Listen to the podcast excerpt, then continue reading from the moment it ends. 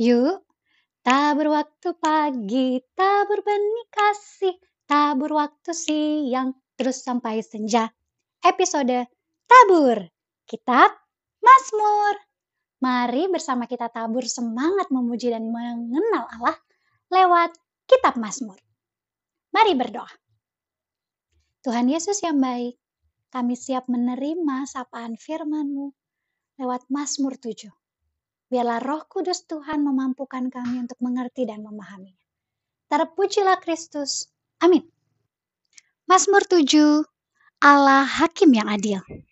Mazmur ini merupakan mazmur ratapan tetapi menariknya, nyanyian ini juga merupakan suatu nyanyian pemikat hati.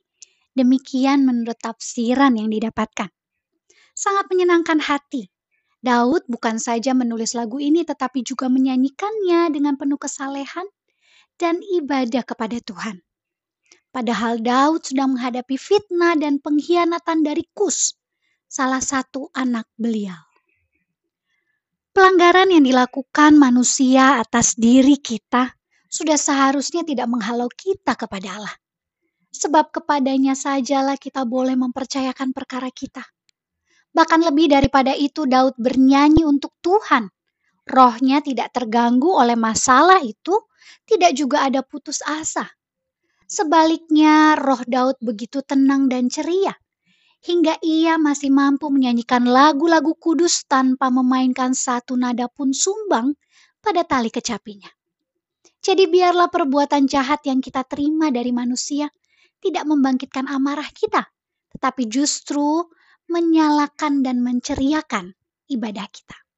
Hal pertama banget nih yang bisa kita pelajari dari latar belakang penulisan Mazmur ini adalah masalah yang kita hadapi atau kesusahan hati yang sedang melanda kita saat ini. Jangan sampai menjauhkan kita dari ibadah atau persekutuan kita dengan Tuhan. Kadang ya, kalau udah sebel sama kesel mood itu rasanya hilang buat ngapa-ngapain. Bahkan mengerjakan apa pun jadi tidak senang. Nah, di sini kita diajak buat punya gaya baru. Kalau sebel atau kesel, coba nyanyi deh. Nyanyi lagu rohani favorit, eh, nyanyi lagu rohani yang upbeat, atau nyanyi lagu rohani apa pun. Kalau berasa nggak bisa nyanyi, puter deh tuh lagu yang banyak banget yang bisa kita temui ya. Tujuannya agar hal yang tidak baik yang kita terima membuat kita semakin semangat untuk menceriakan ibadah dan persekutuan kita dengan Tuhan. Atau kita nyanyi aja yuk lagu yang ada di Mazmur 7 ini.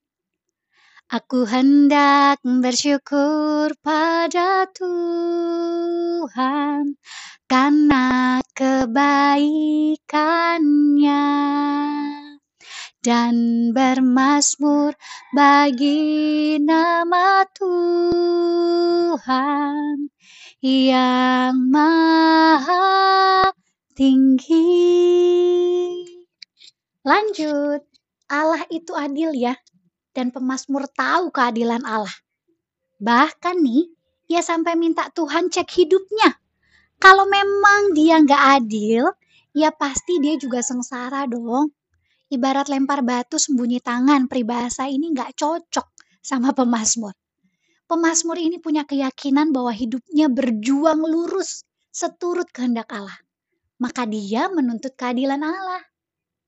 Hal yang kita pelajari nih, cek hati itu penting teman. Jadi nggak melulu menyalahkan orang lain atau situasi aja atas kondisi buruk yang kita alami.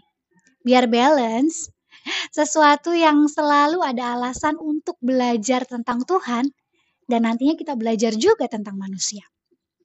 Lagi-lagi pemazmur nih cerita tentang kebesaran Tuhan. Lalu tentang hal yang dialami dan dipikirkan ditutup dengan keyakinan bahwa Allah pasti menyelesaikannya. Setingkat pemazmur Daud aja yang adalah raja mengalami ketidakadilan. Apalagi saya yang kadar ngatur lingkup kecil aja masih pusing dan banyak sebel keselnya sendiri mau sadar diri sih dari poin ini, dari Mazmur ini belajar bahwa ketidakadilan itu di mana-mana dan menghantui hidup kita. Gak lihat siapa kita, kita lulusan apa, profesi kita apa sekarang. Jadi yuk bersiap mengadu kepada Allah yang maha adil.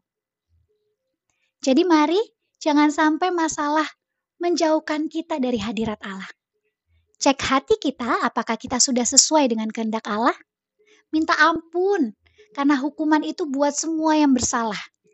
Ketidakadilan yang kita alami bisa saja merupakan bentuk hukuman Tuhan untuk meluruskan hidup kita. Yang kalau pakai kacamata orang benar, ini adalah anugerah agar kita kenal Allah. Atau bisa saja ketidakadilan adalah cara Allah memperkenalkan dirinya kepada kita. Kita nyanyi lagi yuk. Aku hendak bersyukur pada Tuhan karena keadilannya dan bermasmur bagi nama Tuhan yang maha tinggi. Mari kita berdoa. Ya Allah yang hidup dan berkuasa, terima kasih untuk keadilan yang boleh Tuhan hadirkan dalam kehidupan kami.